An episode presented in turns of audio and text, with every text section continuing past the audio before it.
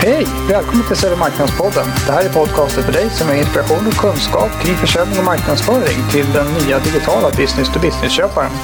den här podcasten kommer från Business Reflex och jag heter Anders Hermansson. I den här podden så intervjuar jag Patrik von Bergens om den nya agila marknadsfunktionen. Han har mycket intressanta tankar kring hur man ska kunna jobba på ett mer agilt, snabbrörligt sätt som marknadsfunktion. Eh, själva podcastintervjun är gjord över Blab och det är en livesändningstjänst på nätet. Blab.im som jag kan rekommendera alla att testa. Mycket roligt. Det går i princip ut på att man är eh, en till fyra personer som diskuterar kring ett ämne. Och så direktsänds det i både ljud och bild. Och lyssnarna kan vara med i chatten och ställa frågor och sen kan man ta in eh, lyssnare som också vill vara med i diskussionen under själva sändningen. Mycket intressant. I det här avsnittet så är det mest jag och Patrik som pratar men under ett tillfälle här så dyker också Lars Dahlberg upp tillfälligt i podden. Men vi hade lite ljudproblem där så att jag slängde ut honom igen. Men mycket nöje och med det vill jag lämna över till intervjun över Blab med Patrik von Bergen. Om vi börjar med, eh, med en liten presentation här Patrik. Du får berätta vem du är till att börja med. Patrik Bergen heter jag. Eh, jag är konsult. Jag jobbar med försäljning och marknadsuppdrag, ofta i en interimroll. Där jag går in helt enkelt operativt i, i, med i verksamheten och driver förändringar. Och det handlar jättemycket om digitalisering. Och det här har jag faktiskt hållit på med i olika, i olika sammanhang sedan ja, 2001, 2002 kan man säga. Okej. Okay. Och jag vet, vi har pratat förut, du var ju på var någonstans på bokföretag? Bok. Ja, jag, jag gick in i, i, fick ett interimuppdrag på ett eh, stort svenskt läromedelsförlag som heter Liber. Just. Och där man hade en, en tuff utmaning. Man jobbade, man, man jobbade väldigt, väldigt traditionellt med marknadsföring och försäljning.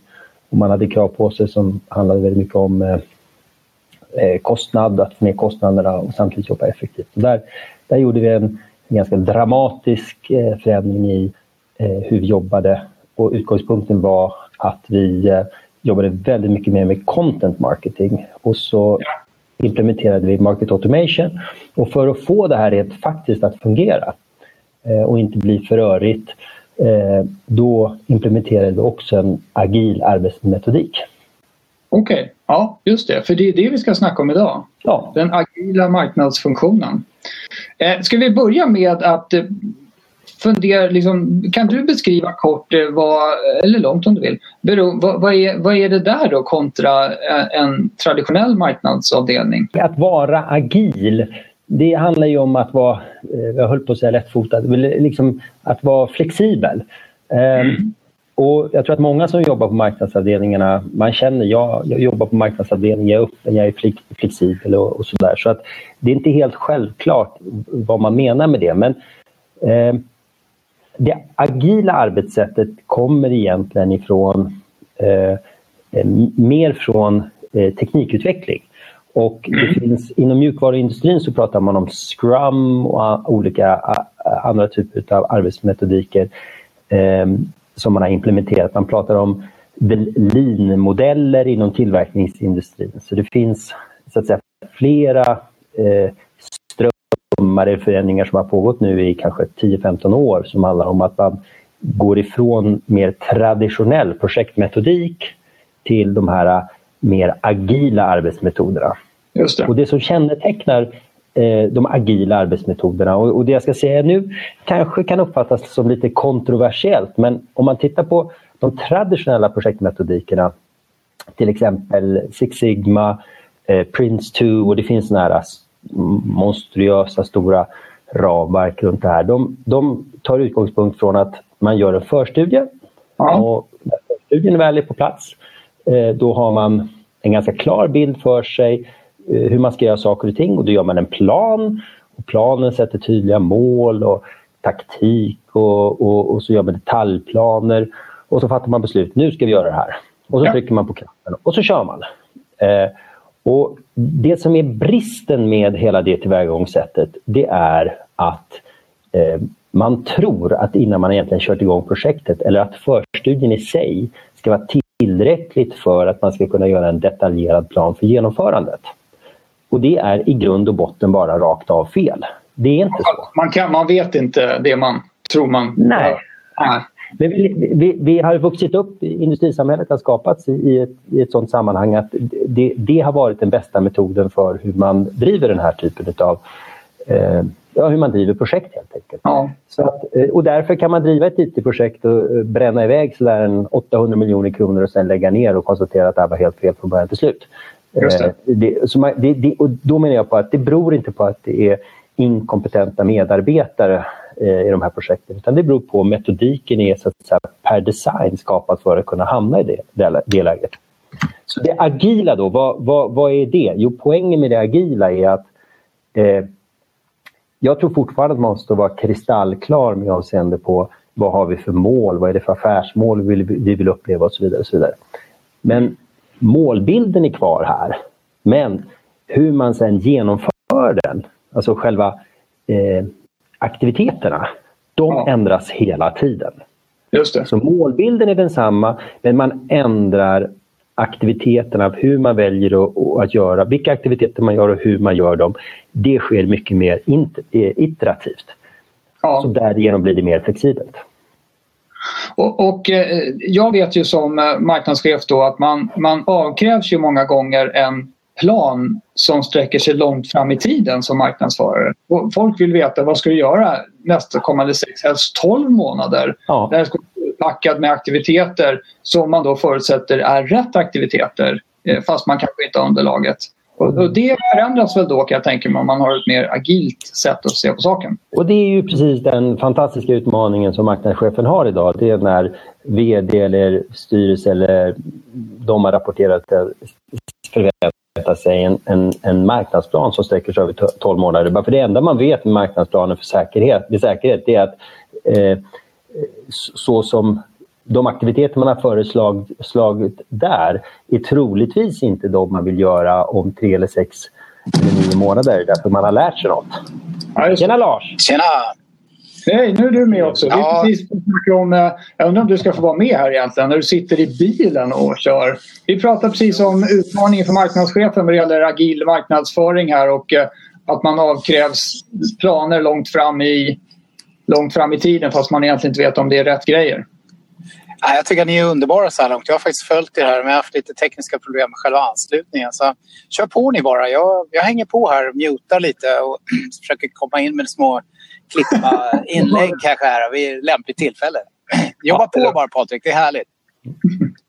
Ja, Okej okay, Patrik, tillbaka på spåret här. Vi, vi, hade, vi pratade om utmaningen med planen som kanske då, eller som antagligen inte innehåller rätt aktiviteter för den, den sträcker sig för långt fram i tiden. Man kan, man kan, man kan, man kan eh, göra det ännu mer spetsigt och säga att givet att organisationen inte lär sig någonting av det man gör, eh, mm. då är det nog en bra plan.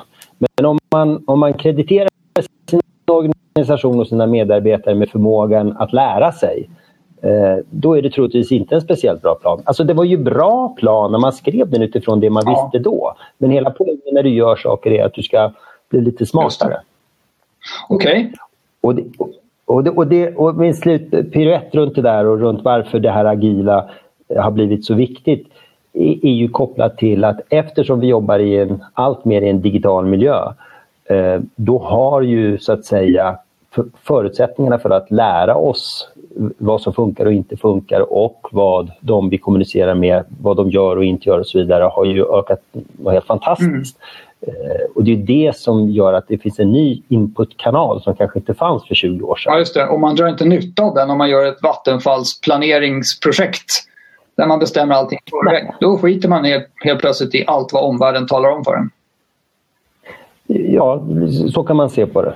Okej, okay, så då har vi eh, dels har vi det, det agila eh, arbetssättet då i form av att man inte planerar så långt i framtiden. Vad finns det för övriga för förutsättningar som man behöver ha för att klara av det här? Då, då? Om, om man tittar på, om, om, vi säger så här, nu, nu är vi en, en marknadsorganisation och vi, vi har bestämt oss för att vi ska jobba mer agilt. Eh, då, då tror jag att man kan göra det här på, på man kan göra det eh, väldigt, väldigt komplicerat och avancerat och så eller så kan man göra det busenkelt. Mm. Eh, och om, vi, om vi börjar med att göra det busenkelt eh, så kan man säga att, att, att börja jobba med en kanban-tavla Okay. Att helt enkelt gruppera de aktiviteter man, man, man planerar att göra. Att gruppera upp dem snyggt och prydligt och ha dem på en tavla och sen ha löpande möten där man diskuterar, är det här en bra eller är det här en dålig aktivitet? Och eh, om den är dålig så lägger vi ner den och så, så, så struntar vi det och så lägger vi vår tid och resurser på något annat. Eller när vi gör en aktivitet så kanske någon kommer på någonting smart, nytt ja. som vi inte hade tänkt på tidigare och då kommer en ny aktivitet upp på tavlan. Vad behöver man göra inom sin egen organisation, alltså marknadsorganisationen kontra utanför marknadsorganisationen för att det här ska börja flyga? Alltså den utmaning man har, eh, vilket du ju redan har eh, berört lite grann, det här med att det finns en förväntan att det finns en plan. Eh, mm. och att man ska, vad har ni för plan och vad ska ni göra och vad är det här ni gör nu då? Det här har ni inte berättat att ni ska göra. Hur tänker ni nu? Det här första jag föreslog, att stoppa in en kanban-tavla och bara skapa tydlighet inom gruppen vad det är vi jobbar med och därigenom öppna upp för att folk ska komma med nya förslag med nya aktiviteter. Det är liksom första trappsteget. Men om man ska ta det här om man ska bli lite mer eh, sofistikerad så handlar det ju om hur man gör sina planer. Mm. Eh, och det, ett förslag jag har, eller en metod jag använder för att göra det här, det är att jag försöker, jag försöker dela upp det här på kan vi, kan vi säga, tre olika nivåer. Och den översta nivån, det handlar om de övergripande affärs de så säga, strategiska direktiv som finns. Eh, de, eller de affärsmål som är tydligt utkristalliserade. Vi ska ta, vi ska växa med så här många procent, vi ska, vi ska vara budgetmål och så vidare. Så, så det, är på, det är på den högsta nivån där vi har tydliga ja. mål. Och sen bryter vi ner de målen till då taktiska planer. Och de taktiska planerna de ska berätta hur vi tar oss till de här målen. Uh, och de, de, måste också vara uh, konkreta och kvantifi kvantifierbara. Och de här planerna de ska man ju då förankra i resten av organisationen. De övergripande målen är förhoppningsvis förankrade av vd-ledningen. Ja, och Men sen, massa olika funktioner på bolaget och så.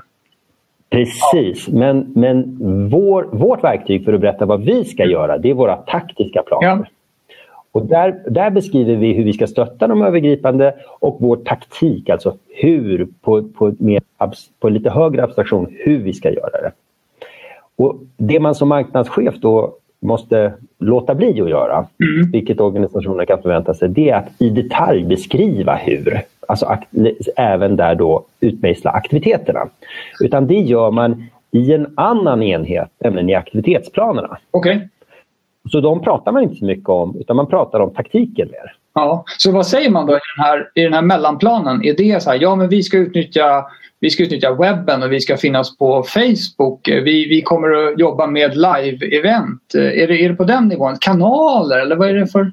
Ja, alltså, och nu, kom, du kommer in eh, på mitt favoritämne då, men, men jag ska försöka låta bli att inte prata så mycket om det. Men det, det blir ju lätt så att man säger att vi ska jobba med event eller vi ska jobba på webben eller vi ska göra Facebook. Så här. Men, men egentligen så vad det ytterst handlar om det är att skapa en kundupplevelse. Så om man istället kommer överens om att definiera en, en, en, en verksamhetsprocess för, eller en kundupplevelseprocess snarare. Om man i den taktiska planen definierar vad är det för kundupplevelse jag ska skapa. Mm. Formulera sig ut, inte utifrån vad ska vi göra utan vad ska kunden uppleva. Då har man ju skapat ett mandat mot resten av organisationen att man kan faktiskt göra lite vad som helst. Så länge ja. man skapar den här upplevelsen för kunden. Ja. Så, så att man, om man i taktikplanen mer pratar om kunden och vad man vill att kunden ska göra och vad man ska uppnå och på det sättet så att säga, eh, adressera de övergripande målen. Då är jag, ju, då är jag tydlig. Då är jag tydligare mot min, min, resten av min organisation eh, med avseende på vad jag vill att kunden ska uppleva och vad jag vill att kunden ska göra. Mm. Men jag har inte riktigt sagt hur.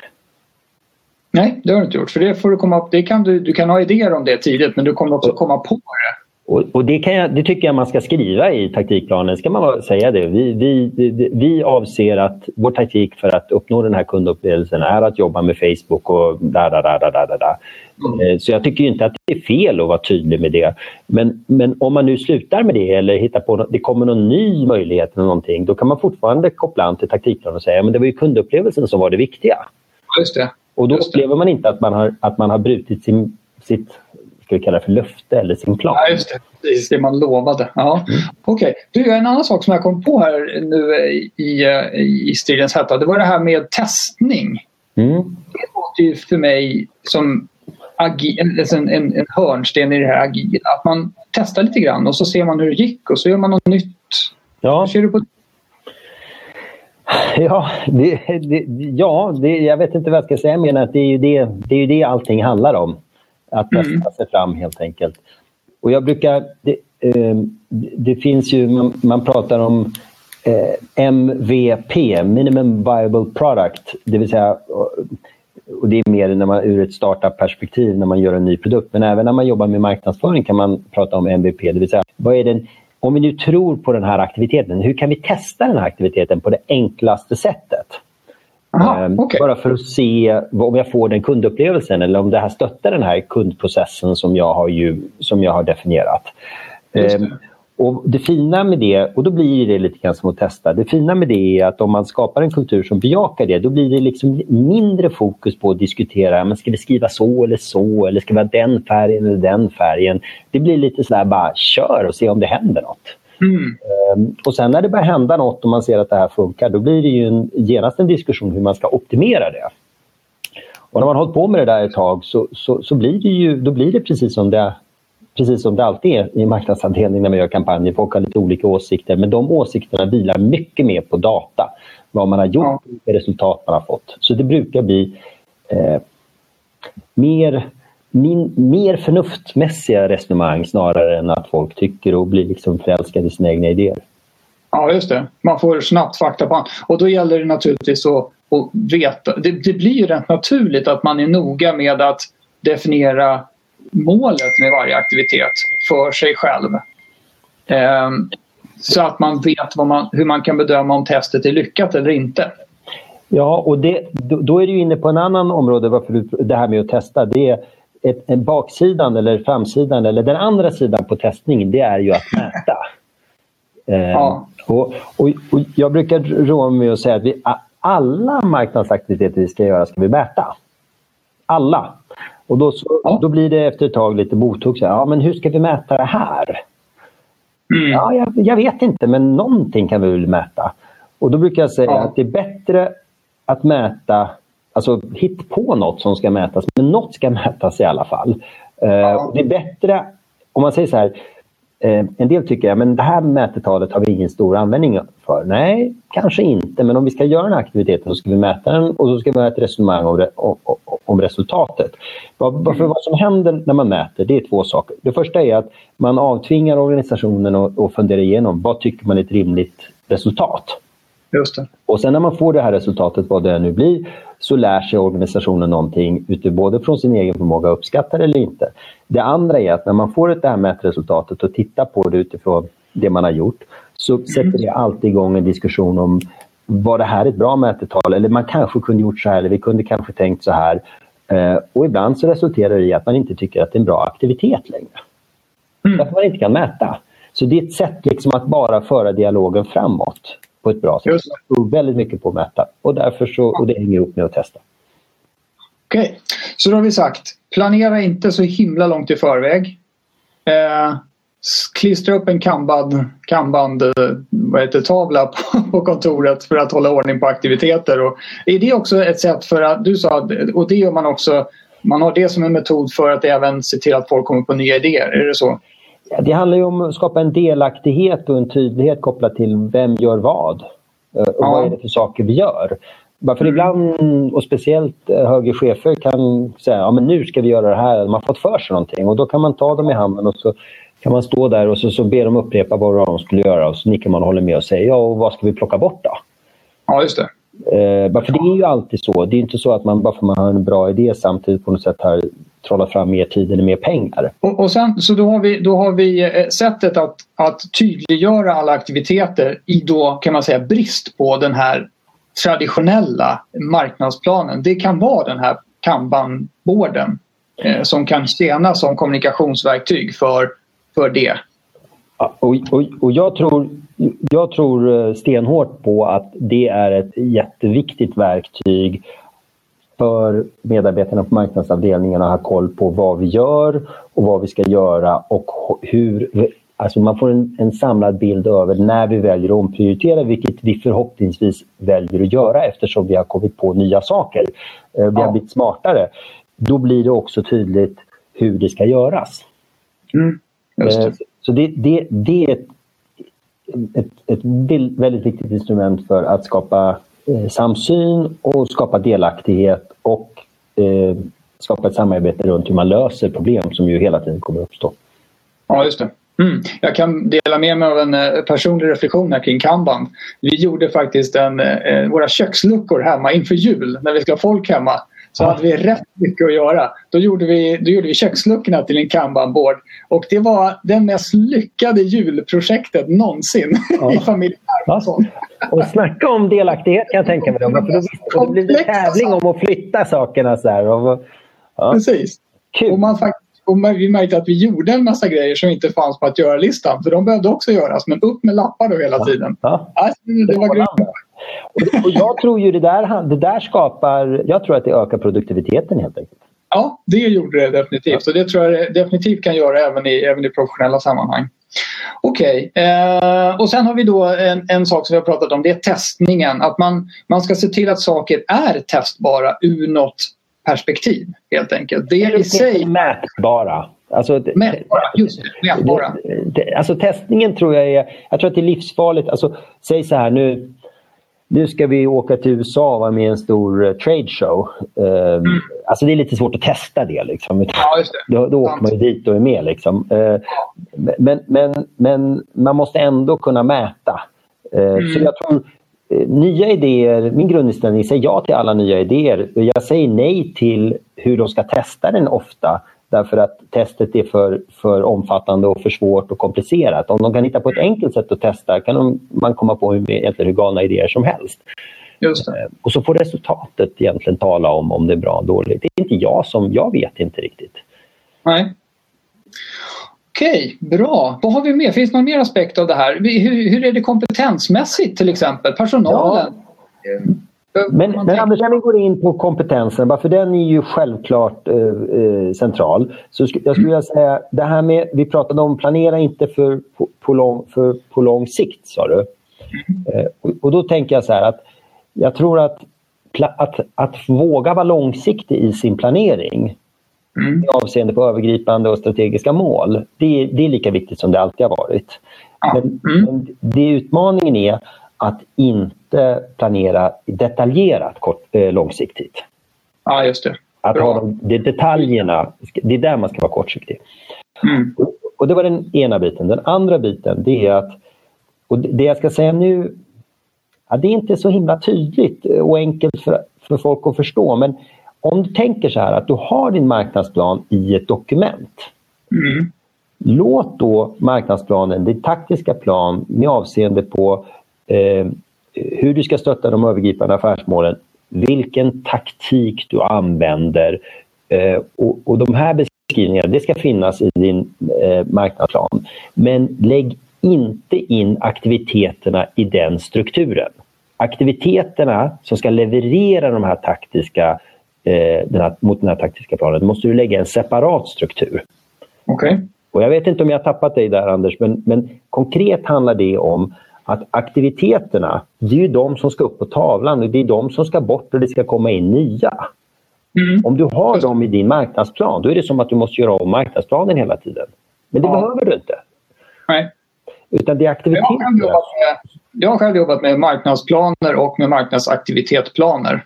Eh, men jag kan säga att jag har, det som jag tyckte var väldigt intressant som du sa, det var att marknadsplanen, den högre nivån av plan, att den ska baseras på någon form av kundupplevelse snarare än, än kanske strategiska kanalval och sådana saker. Så det, det tycker jag. Så jag, jag, har också jobbat med separationen däremellan, för annars blir det väldigt tungrot. Ja, varför, varför nästa nivå, vilket handlar om kompetens, kommer in här med kompetenser, det är att eh, en sak, om du tittar på ett mjukvaruutvecklingsteam eller eh, mer utvecklarteam. Ja. Det, det, man jobbar väldigt mycket det är ju det, det, det, det, handlar väldigt mycket om att utvecklarna sitter och resonerar hur lång tid tar det att göra saker och ting. Ja. Och det i sin tur, det, det är en form av resursstyrning de jobbar med. Mm. Och, och det här med resursstyrning, det är en kompetens som marknadsavdelningar inte jobbar med. Man, man jobbar inte med resursstyrning. Man vet inte riktigt vad det är. Man brukar säga att ja, den här marknadsavdelningen, den här marknadsansvariga har tre marknadskoordinatorer och den där marknadsansvariga en koordinator. Exakt som om det skulle vara en bra resursallokering. Eh, eller det kanske det var förra året, men, men herregud, vi vill ju ha nya idéer och nya, vi kanske kan göra det smartare eller mer. Eh, ja. Så tanken är att, att bryta loss strukturen för aktiviteterna och lägga den separat för att därför kunna resursstyra mot aktiviteterna. Mm. Och det, där, det här är en kompetens som finns inom andra områden, även på marknadsavdelningar. Och, kan man, och där kan man lära sig mycket från programvaruutveckling säger du? Bland annat, men det finns även inom andra områden där man jobbar med resursstyrning. Mm. Alltså att, att göra en, hur gör du en resursplanering hur, och hur, hur gör du en resursomallokering och hur jobbar du med resursstyrningen kopplat till din agila arbetsmetodik? Ja. Så, så du, du nämnde ordet kompetenser, då vill jag liksom blixtsnabbt peta in att eh, det finns en kompetens som marknadsansvariga eh, sällan reflekterar över mm. och det är nämligen resursstyrning. Okay. Ja. Och det är ändå så att om vi tänker efter, om vi flyttar upp det här på ett, en ganska hög abstraktionsnivå så som i all, i all form av projekt, eh, när man driver projekt så brukar man ju säga, man, klassiskt brukar man säga att du, du, har, eh, du har tid och du har, eh, ska vi kalla det för eh, scope och du har pengar. Du har tre, du, du liksom pick any two. Eh, det är alltid någon som måste ge, ge efter. Ja. Och för, för marknadschefen så brukar det vara så att det, det är i allmänhet, jag har en, jag har en, en fast mängd med budget. Mm. Den, det kan i och för sig gå att begära att få mer pengar men scopet, det vill säga omfattningen, det kan jag påverka eh, ganska mycket. Jag kan göra lite mindre aktiviteter, eller jag kan göra dem lite billigare, lite enklare. Mm. Men hela resursstyrningen, den brukar man inte eh, styra så mycket utan den är lite vad den är. Ja, just det. Men där finns det en, det är en liten guldgruva för marknadsavdelningen. Om man kommer underfund med hur man kan resursstyra, nej men ligg ner, låt det där ligga i två veckor. Alla man flyttar över och jobbar med det här nu och ja. får det här färdigt för att sen göra det. Kan man få till det på ett effektivt sätt, då mm. frigör man upp jättemycket resurser för marknadsavdelningen. Mm. Okej. Okay. Så det är en kompetens. Och jag, jag, kan prata om det i timmar, men det ska vi inte göra nu. Utan jag, jag vill bara nämna resursstyrning är mycket viktigare än vad många, många tenderar till att och, eh, ja, ens reflektera ja. över. Ja, just det. Det tror jag också. För det där, det, vissa saker gör vi ju bara. Man reflekterar inte över. Man gör ju som man brukar göra, så att säga. Um, och då, det kan jag definitivt då tro också att, att uh, just med ett nytt arbetssätt så tänker man inte riktigt på att ja, kanske Eh, Eh, då i det här fallet marknadschefen behöver ha ett nytt ja, Också för att i, inom, på mjukvarusidan där utbildar man ju folk i skrum och massa saker. Lägger ner väldigt mycket tid för att utbilda masters inom olika saker. Och det är väl vad jag vet är väl en, en planeringsprojektmetodik som folk får som jobb helt plötsligt att hantera. Ja, ja, ja. ja, ja självklart. Och, det, ju, det och det, det, det, kan man ju göra. Det finns ju specialister på det. Eh, eh, och som hjälper till att sätta sådana eh, organisationer och få det att fungera. Ja, det. det finns ju överallt finns det en Scrum Master som liksom håller ihop det här och så vidare. Mm. Jag kan tänka mig många marknadsavdelningar går säkert i kurs, eh, på kurser i sociala medier. Men ja. kanske inte så mycket i skrum. Ja. eller motsvarande marknadsskrum så att säga. Ja, eller ens i, i, värsta fall så skickar man ju folk traditionell projektledningskurs och så lär de sig ja. precis någonting de inte behöver använda. Just det. Så det blir liksom en negativ investering. Ja, Ja, vad intressant. Eh, om man skulle försöka och, och eh, knyta ihop säcken här och kanske ge något, något tips om i vilken ände man skulle börja som, eh, som innovativ och vetgirig marknadschef. Då och möjligtvis också VD. För vi kan väl ta två, både den marknadschef som sitter med de traditionella processerna i knät och sen har du då VD som behöver tänka lite nytt kring sin marknadsfunktion. Mm. Vi börjar med vilken du vill. ja, ja, det där är ju, usch, det, det där är ju det är inte så enkelt att bara packa det eh, eh, så att det blir konkret och agerbart. Men, men jag tycker nog att det känns rimligt att börja med vdn. Då. Mm. Eh, och jag, alltså, jag brukar roa mig med att chocka vd med att säga att eh, i år, två, eller förra året 2015, så jag vet inte om det var 34 miljarder kronor som investerades i, i media, i marknadskommunikation. Säger okay. att eh, 80 procent av det vi eh, investerar i, eller 50 procent av det vi investerar i marknadsföring är waste of time eller waste of money. Problemet är att jag vet inte vilken del. Eh, det här med digitaliseringen skapar ju en möjlighet för oss att få bättre koll på det. Eh. Vilket gör att, eh, kära VD, det är troligt att du utifrån det traditionella sättet att se på det investerar alldeles för mycket pengar i, i marknadsföring. Mm. Eh, och Det brukar få dem ganska intresserade av, kan jag spara pengar? Berätta mer. Hur, det här blir plötsligt väldigt intressant. Mm. Eh, men som med den insikten väl på plats så säger man också att ja, men marknadsföring handlar inte längre om kommunikation. Marknadsföring handlar om att skapa kundupplevelser. Ja. Det handlar om mm. processer. Och om du inte har processen på plats och förstår vad kundupplevelsen är, då är kommunikationen helt plötsligt inte så viktig. Det är inte bara marknadsavdelningen, det är även du VD som måste ha en del i att definiera hur det här ser ut och hur påverkar det de andra delarna av verksamheten. Just det. Så som VD så måste man liksom förstå att, att marknadsavdelningen gör det de brukar göra är troligtvis, de får troligtvis lite för mycket pengar eh, för att göra det eftersom det inte ger de resultat som det brukar göra. Mm. Och, och, för att, hur vi ska göra det här på ett nytt sätt, då måste vi ha ett, ett, ett mycket ett större helhet och se helheten. Mm. Hur vi ska få ihop den här kundupplevelsen. Mm. Och det är andra typer av kunskapsdiscipliner eh, eh som krävs för att få det här att fungera. Just det. Så att jag skulle lite grann till vd skulle jag säga att ta två steg tillbaks. Eh, fok eh, sätt fokus på kunden och kundupplevelsen. Mm. Defini definiera eh, verksamhetens viktigaste process för att skapa den här kundupplevelsen. Eh, med, dem, med insikt om den processen, säkerställ att du har digitala verktyg för att understödja den processen och därefter se till att du har rätt organisation och, och eh, med rätt kompetens och rätt budget för att eh, leverera. Perfekt. Bra där. Då, har vi, då, har vi, då, då tänkte jag så här, mitt förslag då till marknadschefen. Det måste ju vara motsvarande. Det som du sa triggar vdn. Så att man som marknadschef så går man alltid gnäller om att man har för lite budget. Även om jag hade, jag har alltid i alla år haft, haft som princip att gnäll aldrig över din marknadsbudget. Mm. För det folk, folk är så trötta på att höra det. Mm. Men eh, om man då skulle gå till vdn och säga Hej, jag tror att vi skulle kunna halvera marknadsbudgeten nästa år. Vad säger du om det? Är det ett bra tips till marknadschefen? Briljant. Nej, men jag tror att det är precis, det, det är precis rätt tillslag. Och här, du ska, och det där det kan ju bli ett jävligt bra första, första del i mötet och så kan det bli väldigt tråkigt efteråt. Ja. Eh, om man bara blir av med halva budgeten och så går man därifrån. Ja. Så, ja, det annat. Man var jävligt tänd där i början. Eh, men jag tycker eh, insteget gillar jag stenhårt. Ja.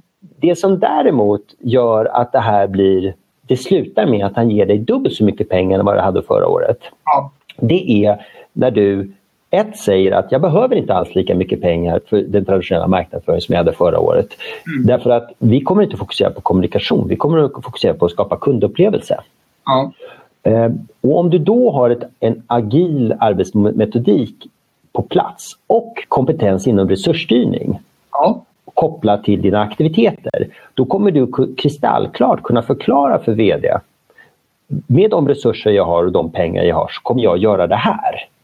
Mm. Och då kommer VD att säga Hmm, men den här kundupplevelseprocessen som är ju fullkomligt central för att vi ska lyckas, det kommer ju ställa andra krav på andra delar av organisationen. Vi behöver nya system och vi behöver nya kompetenser som du inte har idag.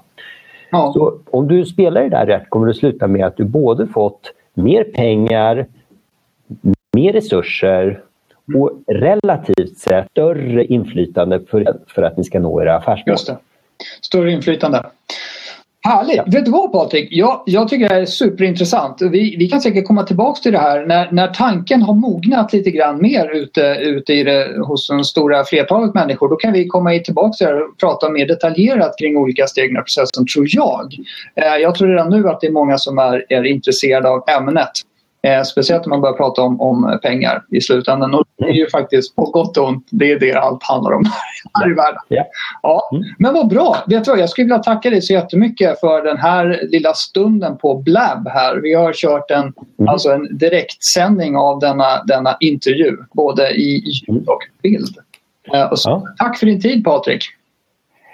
Tack Anders, det var en första gång för mig också. Det, ja. var, det var kul. Ge mer smak! Ja, härligt. Bra. Men tack ska du ha. Vi hörs snart igen. Hej då! Tack, hej!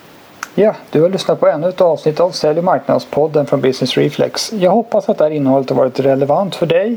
Jag tycker att det är mycket intressant att tänka lite nytt kring hur marknadsfunktioner arbetar internt och även mot andra avdelningar på företaget. Det finns mycket att göra där. Vi vet ju att hela kommunikationsvärlden har byggts om och det borde rimligtvis få konsekvenser även för hur man jobbar och vilken kompetens som behövs eh, på avdelningen. Nu har jag bara en sak kvar att säga innan jag säger hej då och det är eh, glöm inte att vara relevanta. Hej hej!